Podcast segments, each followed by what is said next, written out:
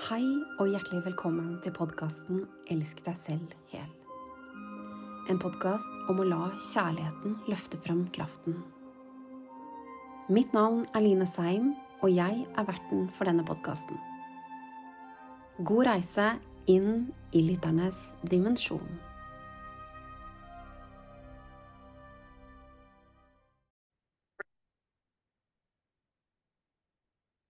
Hei, kjære du, og hjertelig velkommen tilbake til en ny episode av Elsk deg selv hel.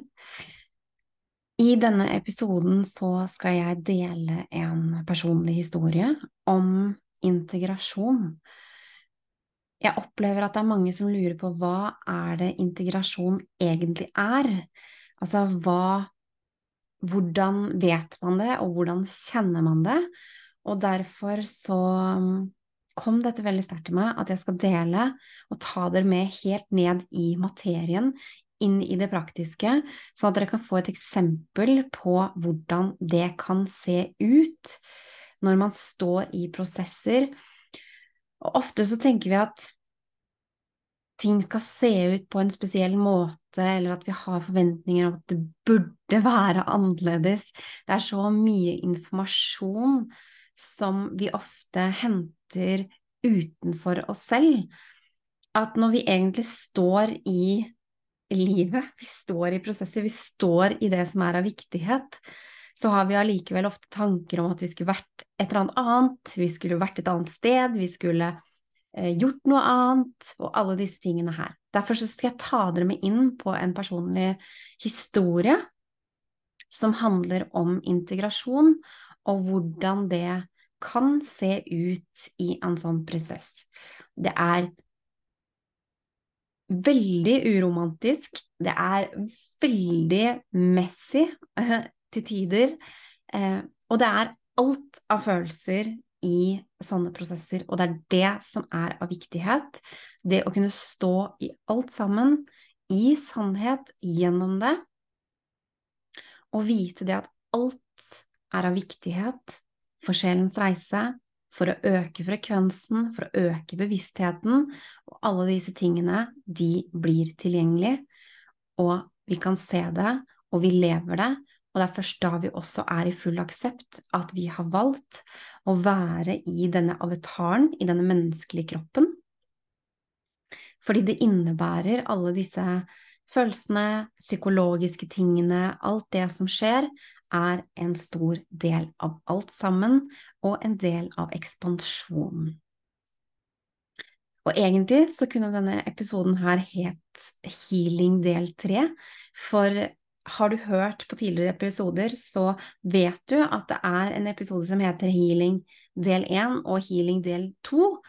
Um, dette her er jo en del, bare et større bilde av mye av det som ble delt på healing del 1 og healing del 2, som bare var en liten brøkdel av hele prosessen som jeg da har stått i og vært igjennom, og som har vært da min eh, del av det å øke frekvensen i denne fasen. Det var dette som skulle læres. I ved juletider i fjor så reiste jeg til Tenerife, og jeg reiste av Lene for å oppleve nye ting, være på ferie og virkelig være til stede med alt som var i meg, i nye omgivelser. Og på flyreisa ned, så tidlig som idet vi letta, så fikk jeg et skikkelig skikkelig kraftig blodtrykksfall. Og det gjorde at det opplevdes som om kroppen ikke klarte å være med opp. Altså det trykket jeg kjente i kroppen min, det var helt enormt trykk. Jeg har hatt en del blodtrykksfall tidligere, men fordi det også, altså i det fysiske, vi var i en prosess hvor vi letta, så, så ble det bare så sterkt for kroppen. Og det opplevdes som jeg bare ble nå holdt meg tilbake med all kraft, mens samtidig noe prøvde å løfte meg oppover. Og i dette her så kjenner jeg bare å, shit, nå svimer jeg. Um, som da var en tanke. Det var første tankene. Og så var neste tankene Det var Nå får jeg panikk. Her skal jeg ikke være. Nå må jeg bare Jeg må vekk. Det var andre tanke. Og tredje tanken, som da er eh, Eller var en del av da frykten som jeg da skulle møte på, var at nå er jeg alene. Og jeg var jo ikke alene, fordi det er jo mange mennesker på flyet, men idet du letter, så er det ingen som kan hjelpe deg. Fordi alle må jo sitte på hver sine plasser, og det tar jo en stund før noen kan bistå hvis det skulle skje noe akkurat i den prosessen. Så følelsen av å være helt alene med noe som da begynte som en sånn panikk, og idet jeg hadde disse tankene, så ble jeg bevisst at ok, nå er det noe som jeg trenger å være bevisst, samtidig som jeg jobba med å være med det som skjedde, og det å stå i den kraften av at nå er det faktisk sånn.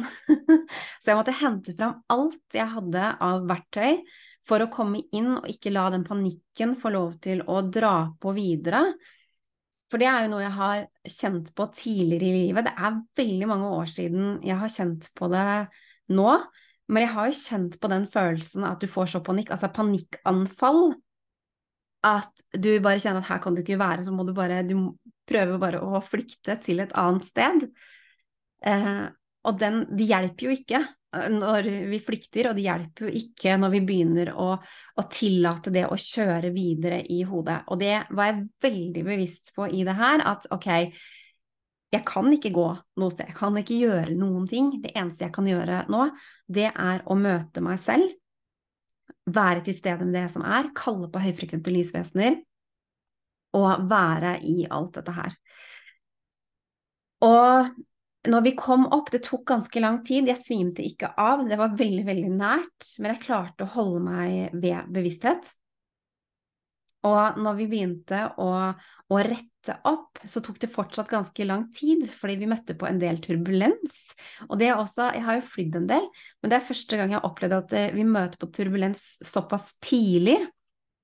Sånn at det var en del sånn med den, eh, med den starten her som kjentes litt sånn ekstra eh, heftig.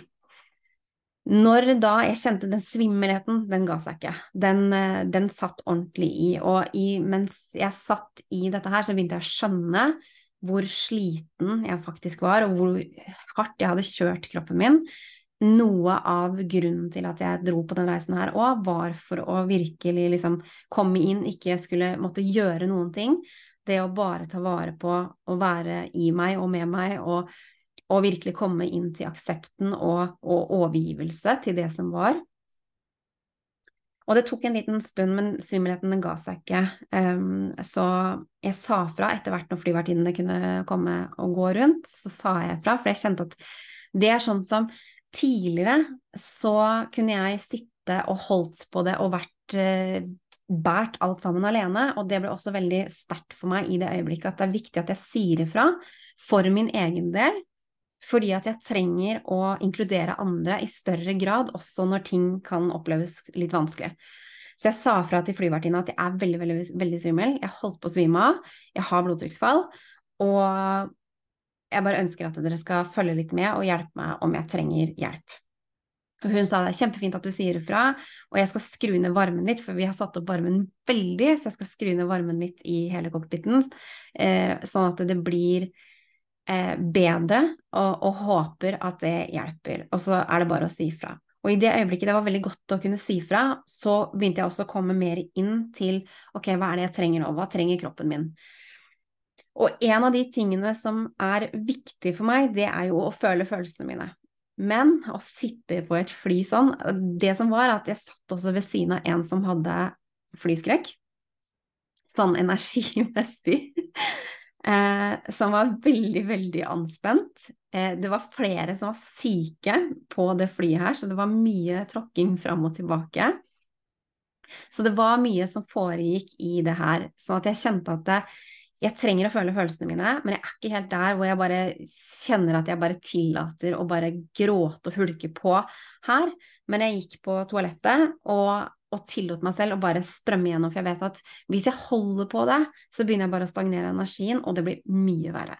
Så jeg gikk på toalettet og fikk det ut. Bare strømme ut, og begynte da å komme mer i kontakt med hva er det kroppen min trenger, hva er det jeg trenger å gjøre. Og det som ble på den flyturen, det ble jo å hente fram alle de tingene som jeg trengte med å sette på høyfrekvent musikk, gå inn i meditativ tilstand, sånn at jeg kunne være med det som var, og kjenne på følelsene underveis. Og flyturen, den tok jo altså fem og en halv, seks timer, jeg husker ikke helt akkurat, det er liksom forskjellig nedover der. Um, jeg husker at de sa at det tok litt lengre tid. Men i hvert fall, det er litt tid når du sitter og du kjenner at oh, når du er i det. Men jeg fikk jobba mye i det og vært til stede i det, og jeg var innmari takknemlig for at jeg valgte å være med det som var, for jeg vet hva som skjer.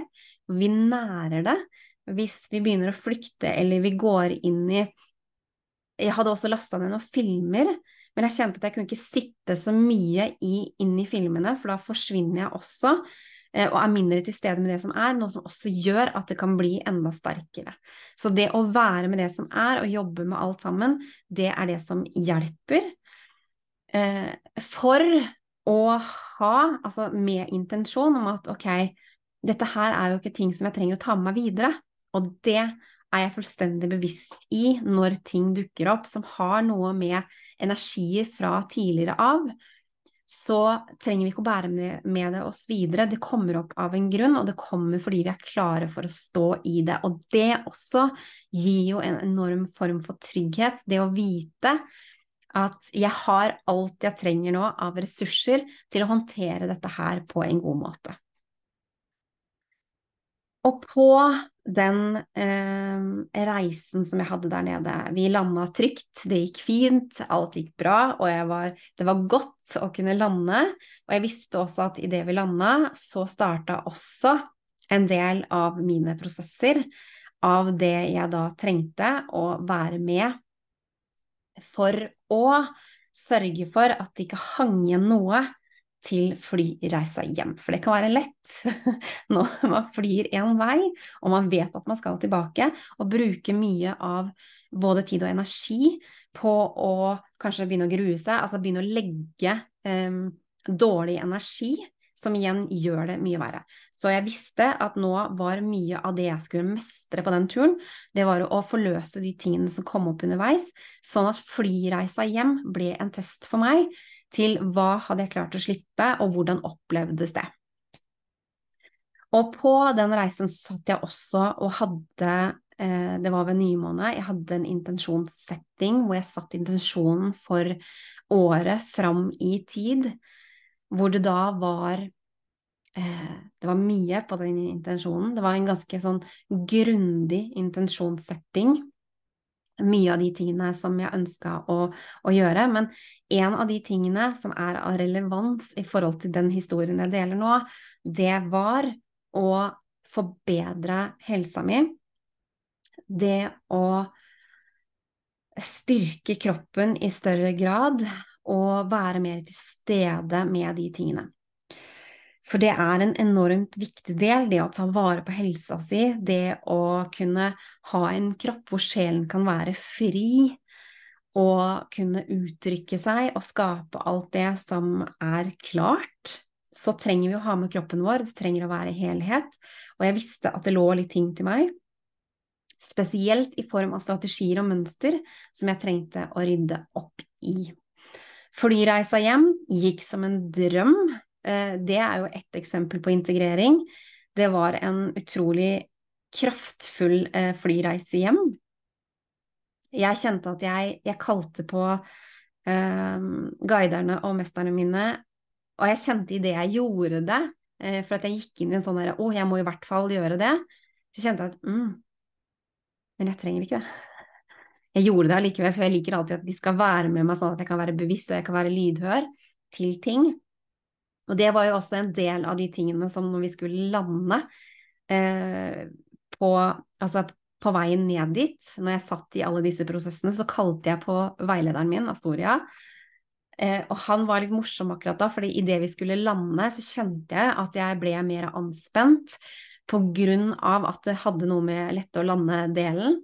At det, det skjer noe også når vi på en måte går fort opp i høyde, og det skjer noe når vi går fort ned i høyde.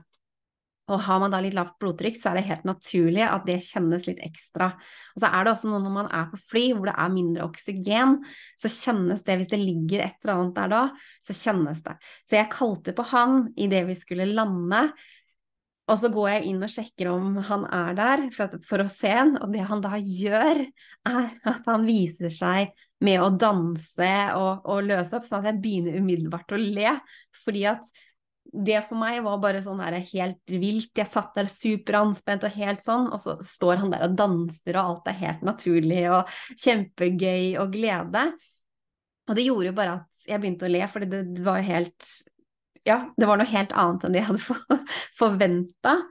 Eh, som igjen da hadde jo virkelig sitt formål for det han ønska å få fram i meg, som gjorde også at det føltes lettere idet vi landa.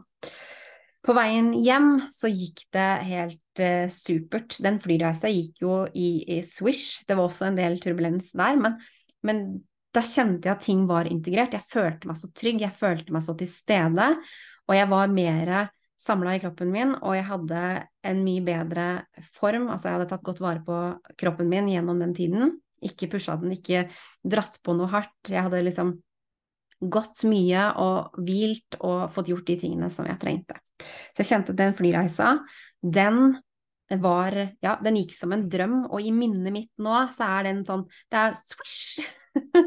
så fort gikk den. Um, og det var en helt fantastisk reise. Og det er jo et godt eksempel på da hvordan ting, når ting er integrert, så er det ikke lenger energi som henger der.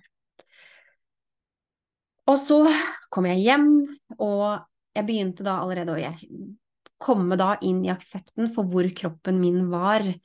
Kroppen min var ikke på et godt sted, jeg hadde mye betennelser i kroppen, det var mye ting som skjedde.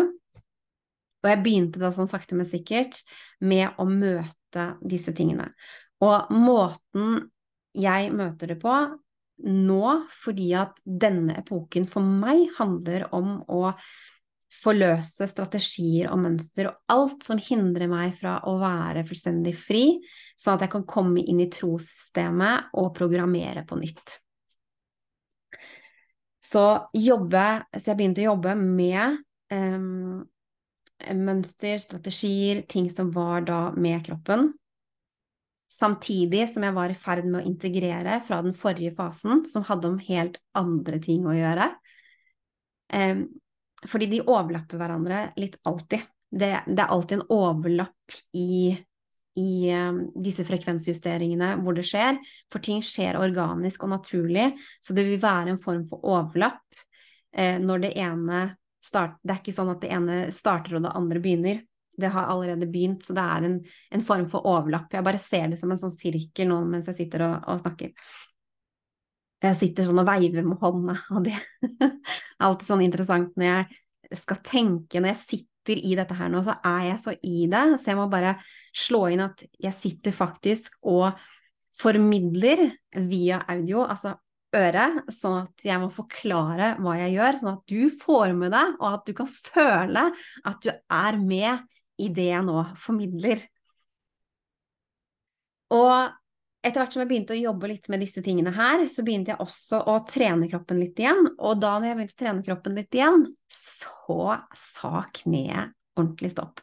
Før kneet sa ordentlig stopp, det hadde jeg glemt, så fikk jeg en, og den er av viktighet, fikk jeg urinveisinfeksjon, og det har jeg også delt tidligere på disse Healing 1 og Healing 2. Eh, litt sånn for kraften av det, men nå vil du få med deg det større bildet av akkurat dette her. Jeg fikk kraftig urinveisinfeksjon, jeg hadde feber, jeg var dårlig nedsatt, og det endte med at jeg da kjente der og da at jeg skulle ha en antibiotikakur selv om jeg visste at det lå noe dypere som er det som driver alt sammen fram, og at det å ta en antibiotikakur i utgangspunktet ja, rett og slett så var det det jeg trengte der og da for å komme gjennom den kneika, og fordi at mye av det legebesøket og de prosessene jeg hadde rundt akkurat det, det var av så stor viktighet for alt sammen som det jeg erfarte. Og jeg husker at jeg ba om bistand til å bli henta for å få en healing-seanse um, av Galactic Federation. Om de kunne hente meg og bistå meg med healing. Og de henta meg og bisto meg, men jeg kjente også at de eh, ga rom til at For de tar aldri vekk lærdommen. Det er ikke sånn at man kan fjerne lærdommen. Lærdommen her var jo at jeg trengte å stå i det, fordi det var så mye um, ting gjennom alt sammen her som ga bevisstgjøringer, og som var med på å forløse ting. Så jeg husker at tidligere har jeg opplevd at jeg har stått i ting, og så har det blitt helt heala. Og det er fordi at da har det vært av viktighet, og det har vært en viktig del av lærdommen. Men denne gangen så husker jeg at jeg merka meg at eh, jeg fikk påfyll, eh, jeg fikk healing og alt dette her, men jeg kjente også at selve eh, urinveisinfeksjon, alle disse tingene her, det var en så stor del av lærdommen at det trengte jeg stå i og erfare alt sammen gjennom. Så gjennom legebesøk og alt dette her, så var det masse ting som kom fram, og viktige ting som kom fram. Og mens alt dette her foregår, så jobber jeg også med strategier, jeg jobber med mønster, alt som dukker opp. Og jeg husker at jeg fikk beskjed om at dette er siste gangen. Når jeg satt og kjørte til legen, så fikk jeg beskjed om dette er siste gangen dette her utspiller seg. På denne måten. Og så husker jeg at jeg tenkte hm, er det mulig? Altså, er det virkelig mulig? Eh, og så begynte jeg å bli bedre igjen. Og så begynte jeg å trene, og så knakk Det knakk ikke. Så røyk eh, et eller annet inni i Jeg kan ikke si at det røyk heller, for det blir feil måte å si, for det er jo ikke noe som har røket fysisk. Men kneet kollapsa rett og slett. Høyre kne kollapsa i så sterk grad at jeg klarte ikke å gå på det. Det var kjempesmerter. Men i den prosessen, før jeg var og løp på tredemølla den dagen, så var jeg i så høye frekvenser at idet det skjedde, så var jeg bare så lydhør at jeg visste ok, her er, det, her er det mye. Her er det mye lærdommer, og dette her løser seg. Det er bare en hel del med ting som jeg trenger å få med meg. Det er mye jeg trenger å lære her. Og allerede den kvelden så visste jeg at ok, nå må jeg begynne, jeg trenger hjelp. Så jeg ba om å få se hvem er det jeg trenger hjelp av, hvem er det som kan bistå meg nå i denne prosessen. Og da kom han eh, som jeg var, han behandleren som jeg var hos, Christian, fysioterapeut, og som driver med det apparatet med lys, eh, eh, lysfrekvenser som sender, sender gjennom i kroppen. Og jeg sendte melding til han dagen etter, og fikk da ganske tidlig, jeg tror det var allerede dagen etter der igjen, hvor jeg fikk time hos han. Og det ble en ganske, ganske så kraftfull uh, opplevelse. Og mye av det så deler jeg også i healing del to, tror jeg, om selve den delen. Men det var også en ting han sa eh, når jeg delte at jeg hadde vært på antibiotikakur, og det som hadde vært tidligere. For det dukka jo også opp mye annet. Jeg visste jo at det var jo egentlig ikke kneet som var utfordringa her. Det kom jo fra et annet sted, og det var jo en del av noe mye større. Men han sa én ting, og det var at husk at når du tar antibiotika, antibiotikakur, så kapsler du inn infeksjonen. Og idet han sier det, så kjenner jeg bare Yes, I know. jeg, bare, jeg bare visste det, at det kom til å bli en del av hele denne prosessen her. Og sånn er det med den viten at vi har en knowing eh, som kommer fra noe større enn oss selv, altså det høyere selv, sjelen. At vi henter ned den informasjonen vi bare vet, uten at vi vet hvordan det skal ta form, hvordan, altså alle de tingene. Vi bare vet.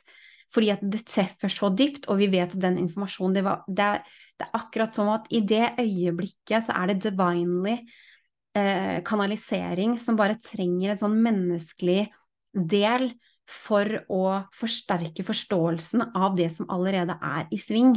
For vi trenger ofte disse tingene for å, få, for å bygge den forståelsen og for å få liksom, det større bildet og for å få den tryggheten og alt sånn.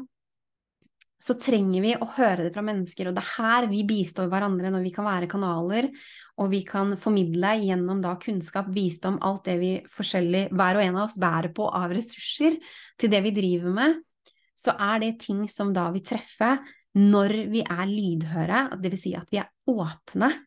Vi er åpne, vi er til stede, vi er bevisste. Vi bare kjenner og vi tar det inn.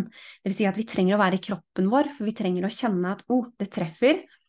Og så kan vi la det være med det. Og jeg hadde et par behandlinger eh, hos han.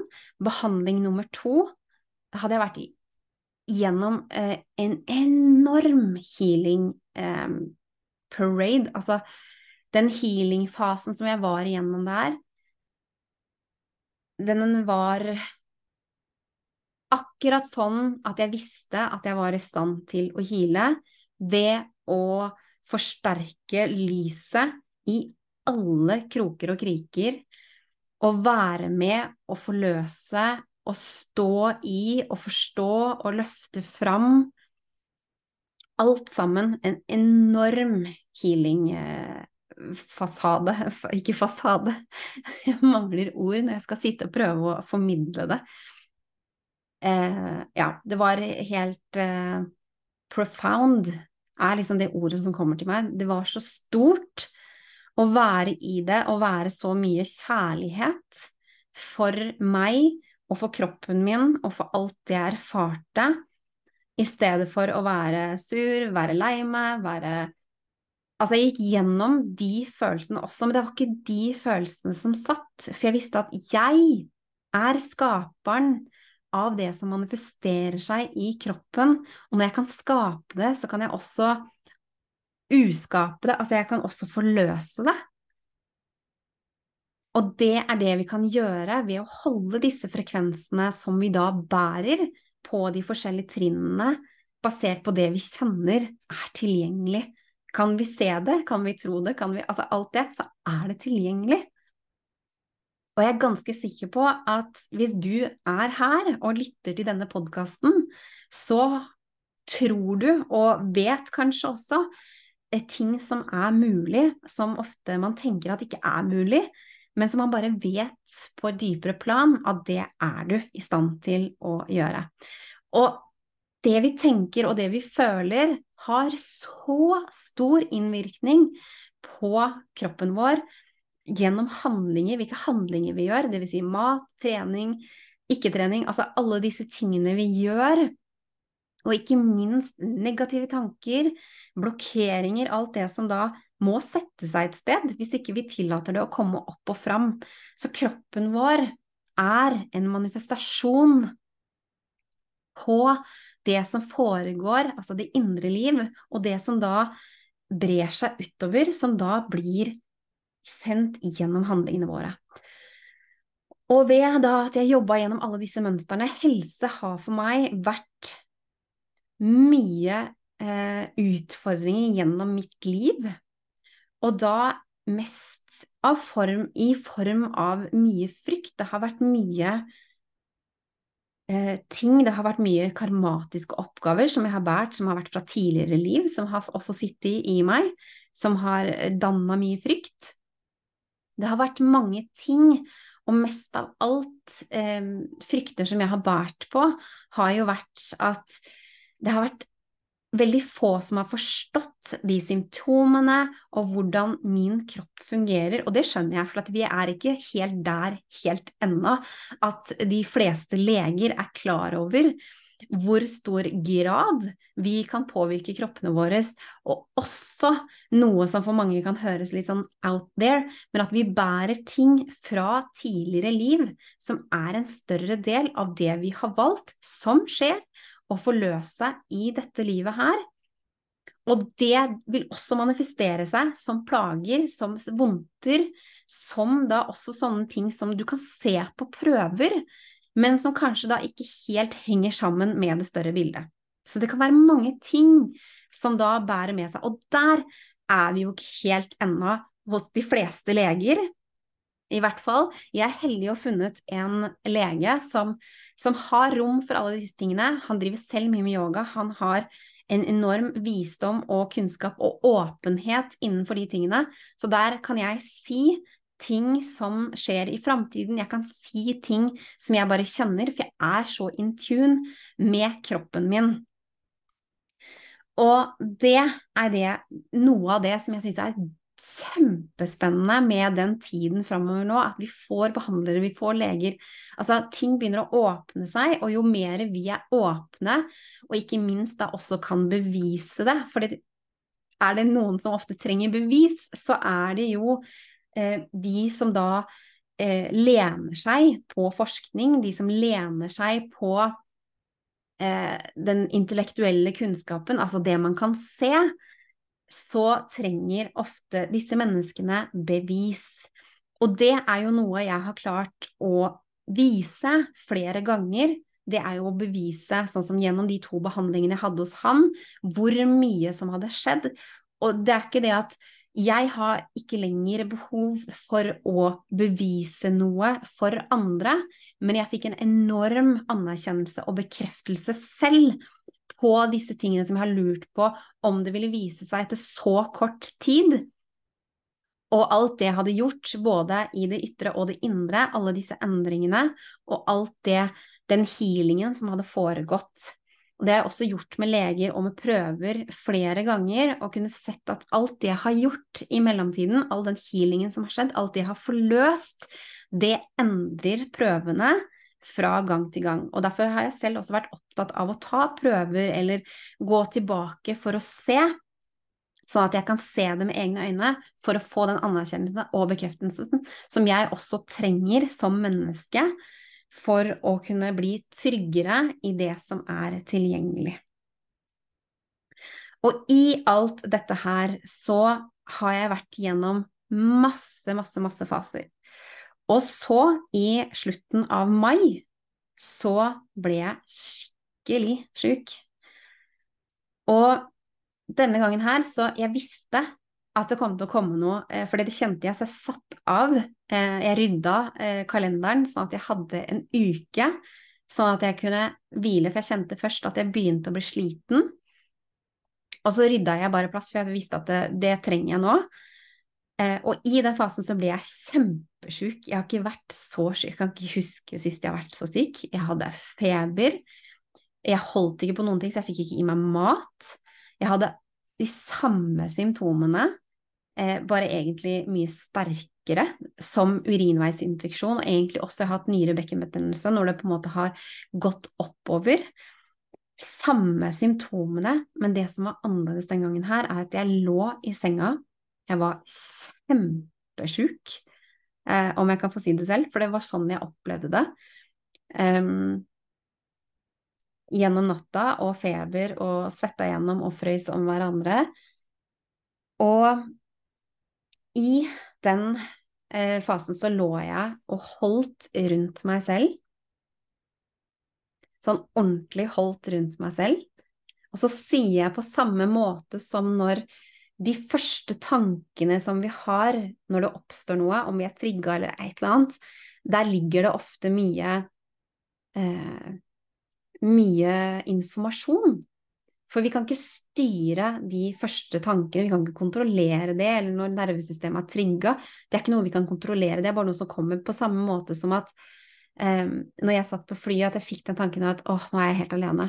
Og at det var frykten min. Altså det å være helt alene, og så skulle det skje noe som da opplevdes fælt.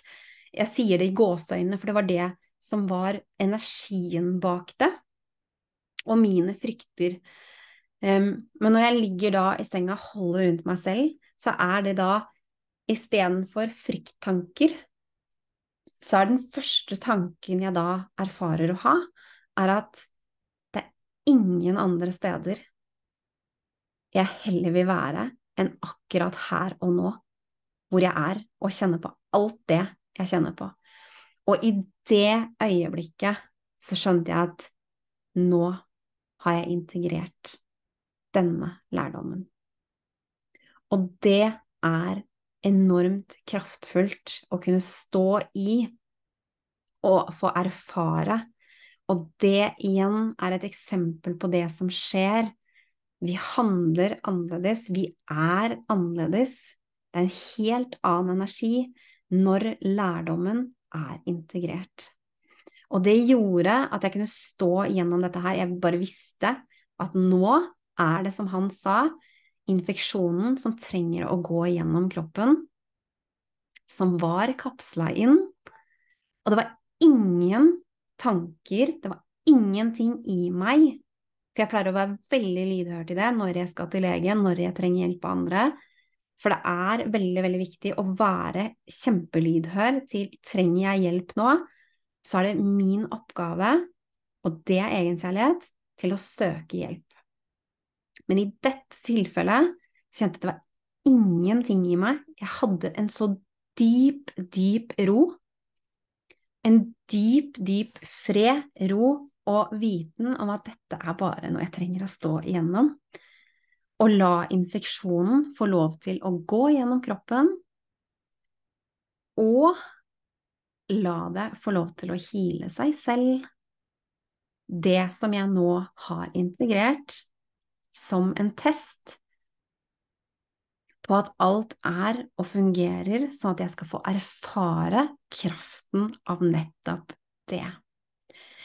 Og jeg var som sagt skikkelig sjuk, så dette her satt i litt.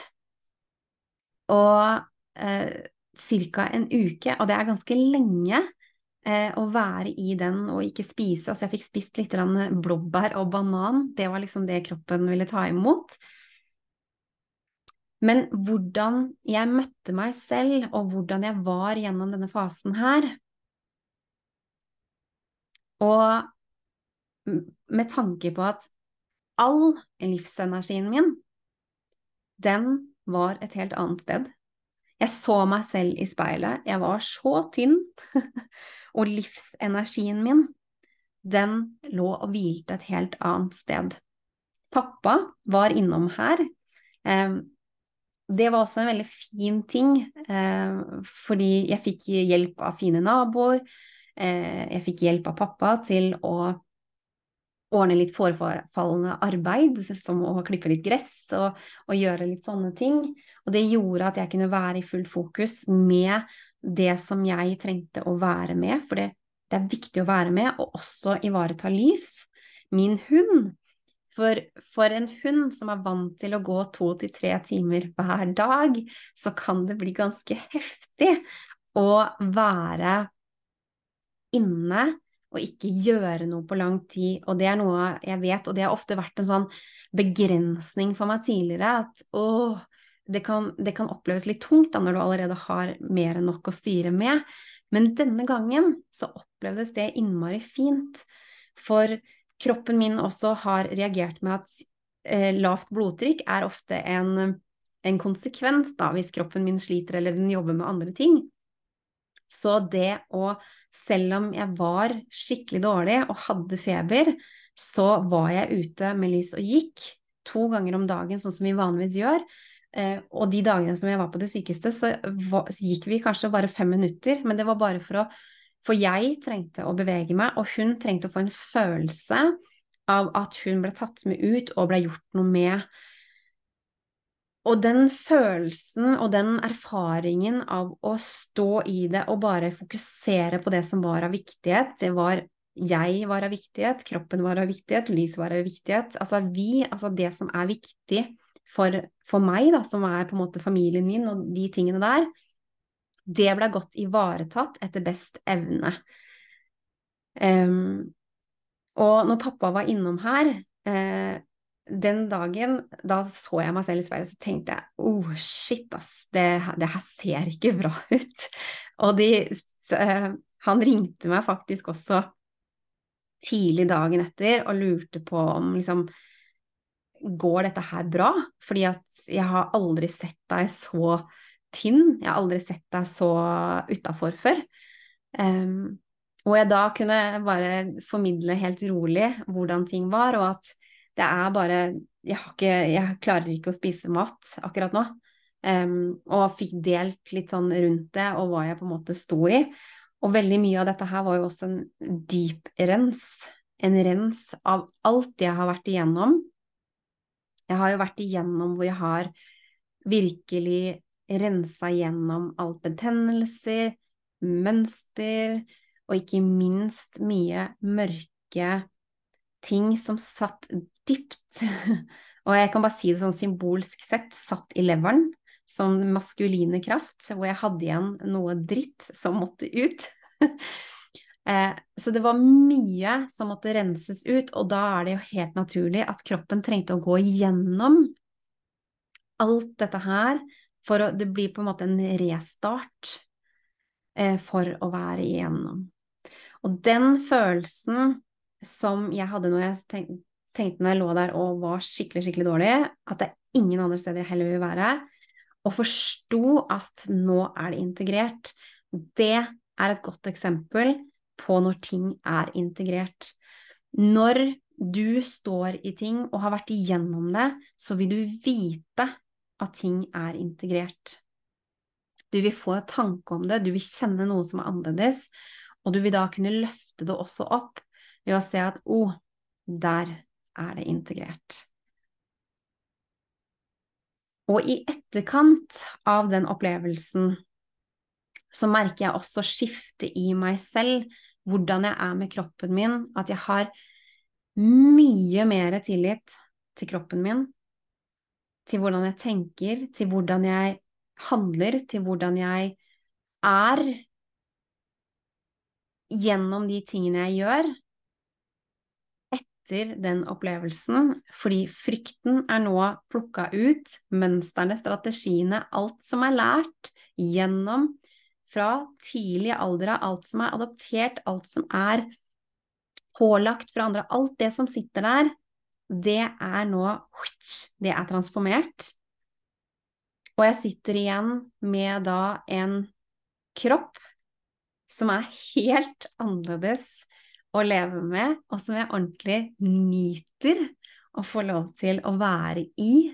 Som jeg gleder meg over, og som jeg takker, og som jeg kjenner på, og som jeg virkelig omfavner og gleder meg over å skulle skape og, og bygge videre på i tiden som kommer. Så jeg håper det var en eh, eksempler som kan bistå eh, forståelsen gjennom hodet når vi trekker det helt ned til materien, ned til det fysiske, hvordan det kan se ut, hvordan det kan være, og hvor viktig alt sammen er. Og det er jo ikke sånn at vi alltid skjønner alt sammen når vi står midt i det. Det er helt naturlig det at når vi er midt i det, så er vi midt i det, og da klarer vi ikke alltid å holde det større bildet. Men det er også en treningssak. Jo mer plass vi har i oss selv, jo mer lydhøre er vi til det som skjer underveis, og jo mer støtte og jo mer tillit og jo mer trygghet til alt som erfares, det er noe vi kan bære, og det er noe vi kan holde. Så vit at alt det som du erfarer, er av viktighet for din reise. Alt er av viktighet. Så kjenn etter. Hvordan er det du møter deg selv? Når du får disse testene, når du får disse utfordringene sendt mot deg fordi sjelen din vet at du er klar, og at du har alle de ressursene du trenger. Og da ble jeg ført inn til en historie som en eh, et vennepar, altså mannen til en venninne av meg, André, fortalte hvor de hadde gjort et prosjekt med trær. Hvor de hadde kapsla inn et tre og gjennom dette prosjektet da forstått at det er jo nettopp det at et tre kan stå i storm og vind som gjør at røttene blir sterke. Og jeg ser det på det sitrontreet. Hvis du har lest blogg eller fulgt med tidligere, så fikk jeg i gave fra universet og modig jord en sitron som var råtten. Jeg hadde ønska meg sitrontre lenge. Så fikk jeg plutselig en eh, økologisk sitron som var råtten og ved første øyekast så ble jeg litt sånn Fader, altså, den er råtten. Jeg liker ikke å kaste mat. så kjipt. Og så åpner jeg opp, så ligger det da to frø som har begynt å spire. Det ene har dessverre dødd, det fulgte med et halvt år, men så døde den fordi jeg måtte flytte for jeg skulle ut og reise da på denne turen. Litt symbolsk det også, egentlig. Så, men den andre, den lever, og den står nå ute. Den har stått inne hele veien, men nå som det er sommer, så ser jeg hvor sterk den har blitt, og hvor den har vokst så enormt nå på kort tid, og blitt så sterk, for den har stått ute i all slags vær. For jeg var litt sånn eh, Vil den takle det eh, når det ikke er sol? For hvis det er sol, så er det supert. De elsker jo sol og alt dette her. Men det har vært mye vind, og det har vært mye regn, og det har vært mye sånne ting. Men jeg ser at den har virkelig, virkelig utvikla seg gjennom det at det blåser, gjennom det at det er forskjellig vær. Og da for å ta det tilbake at det er gjennom utfordring, det er gjennom når det stormer, det er sånn vi utvikler trygghet, det er sånn vi utvikler at vi får kjenne på hva vi faktisk er, hva vi er i stand til å bære, hva vi er i stand til å holde, hva vi er i stand til å erfare. Det er gjennom de utfordringene sjelen har valgt at vi skal ha, basert på det menneskelige i oss, basert på sjelens reise gjennom tid og rom, gjennom tidligere liv, fremtidig liv, alt det som ligger der. Alt som er tilgjengelig.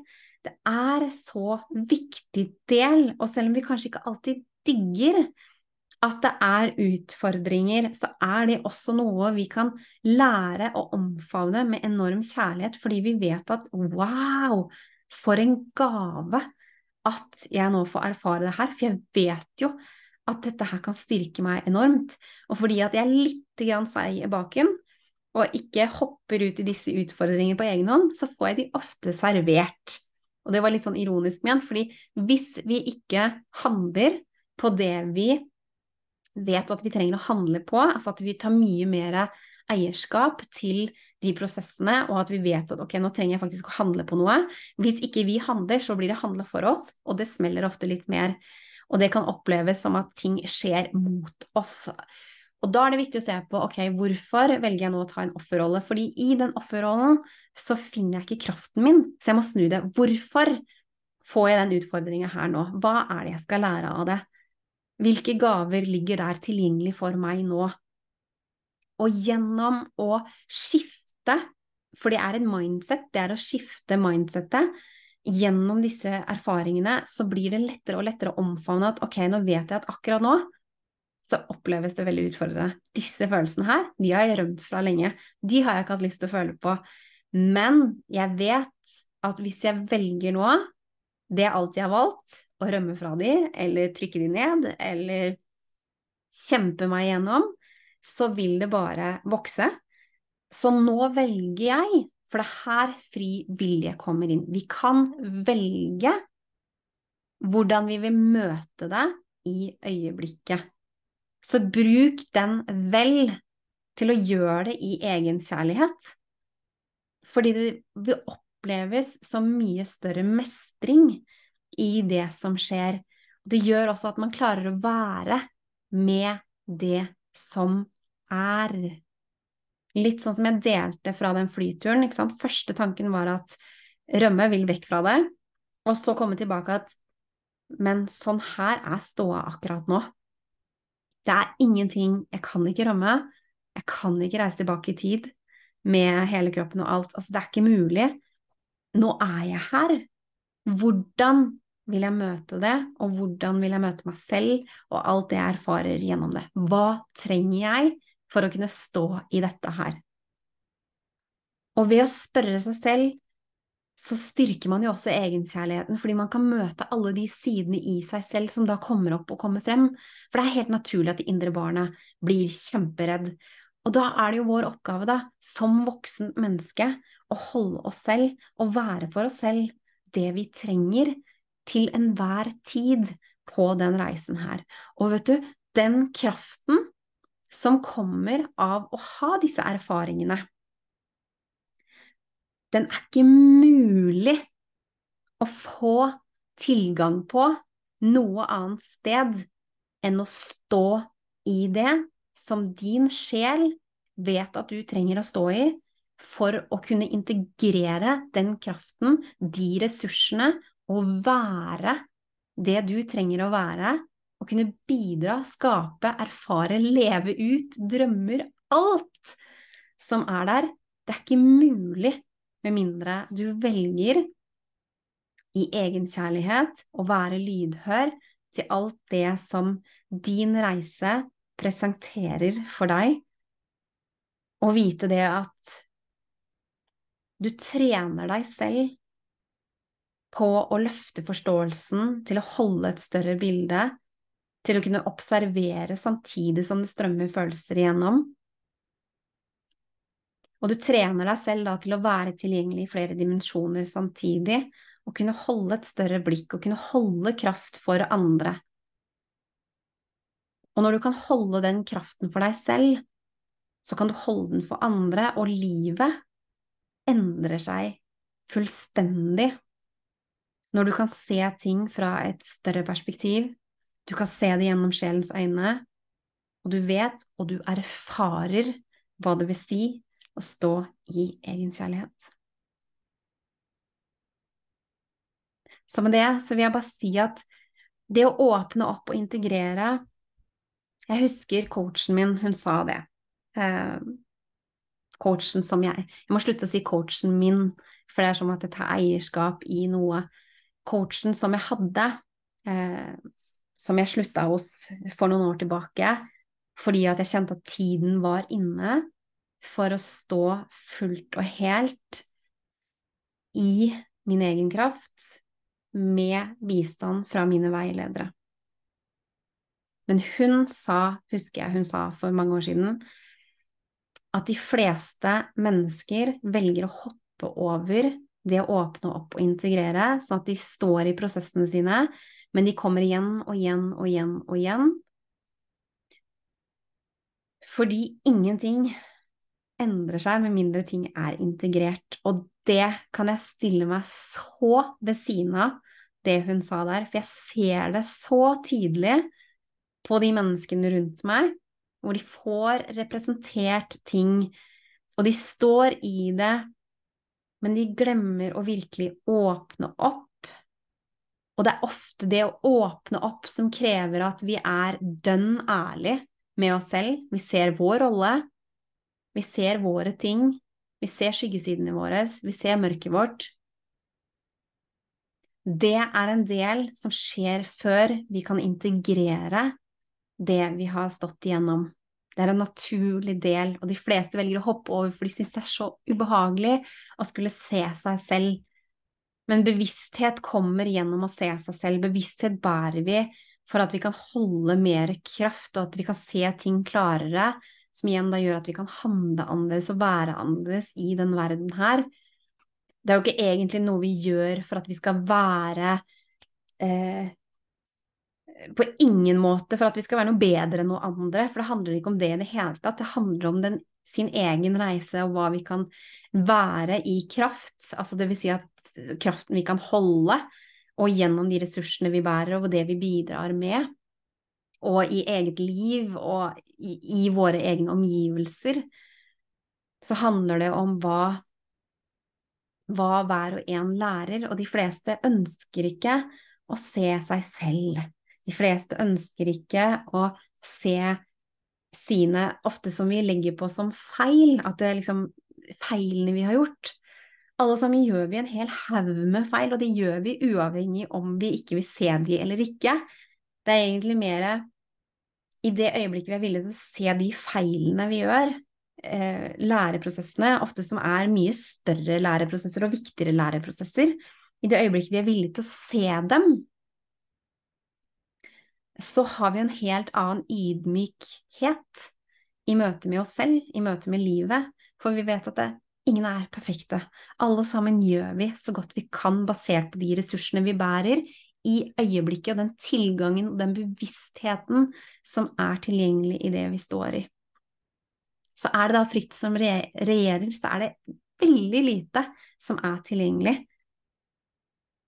Og lytter vi da til den frykten, så er det flykting, vi eh, fryser, vi kjemper eller vi pleaser. Altså vi går inn, rett inn i de, det lille sporet som da er tilgjengelig, som er en ren overlevelse.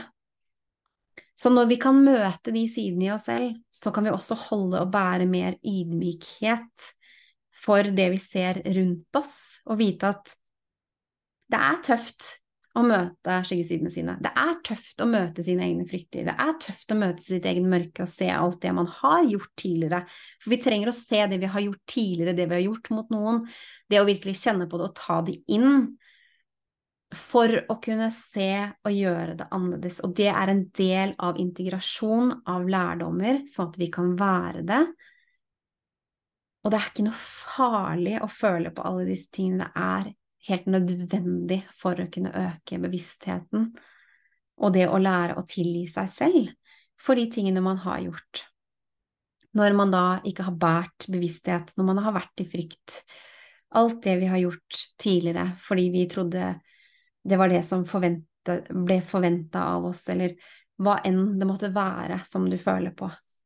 Så vit at det å åpne opp og se seg selv bli bevisst på de tingene du har gjort, er en enorm viktig del av integrasjonen for å kunne stå i lærdommene og for å kunne endre energiene. Energiene lyver ikke, energiene er, og det merkes.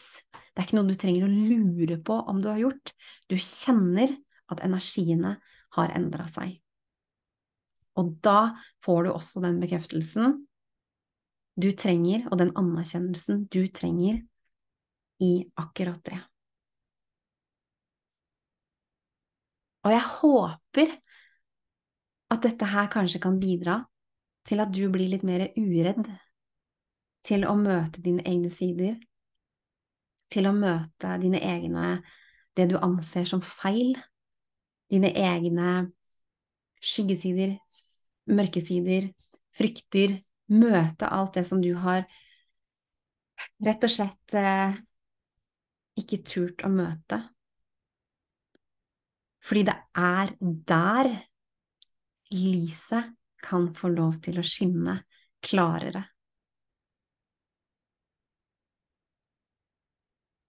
Og med det så ønsker jeg å takke for at du ble med gjennom denne historien og gi meg gjerne en tilbakemelding om hva det her har gitt deg, og åpna i deg, gjennom eh, perspektiver og forståelse.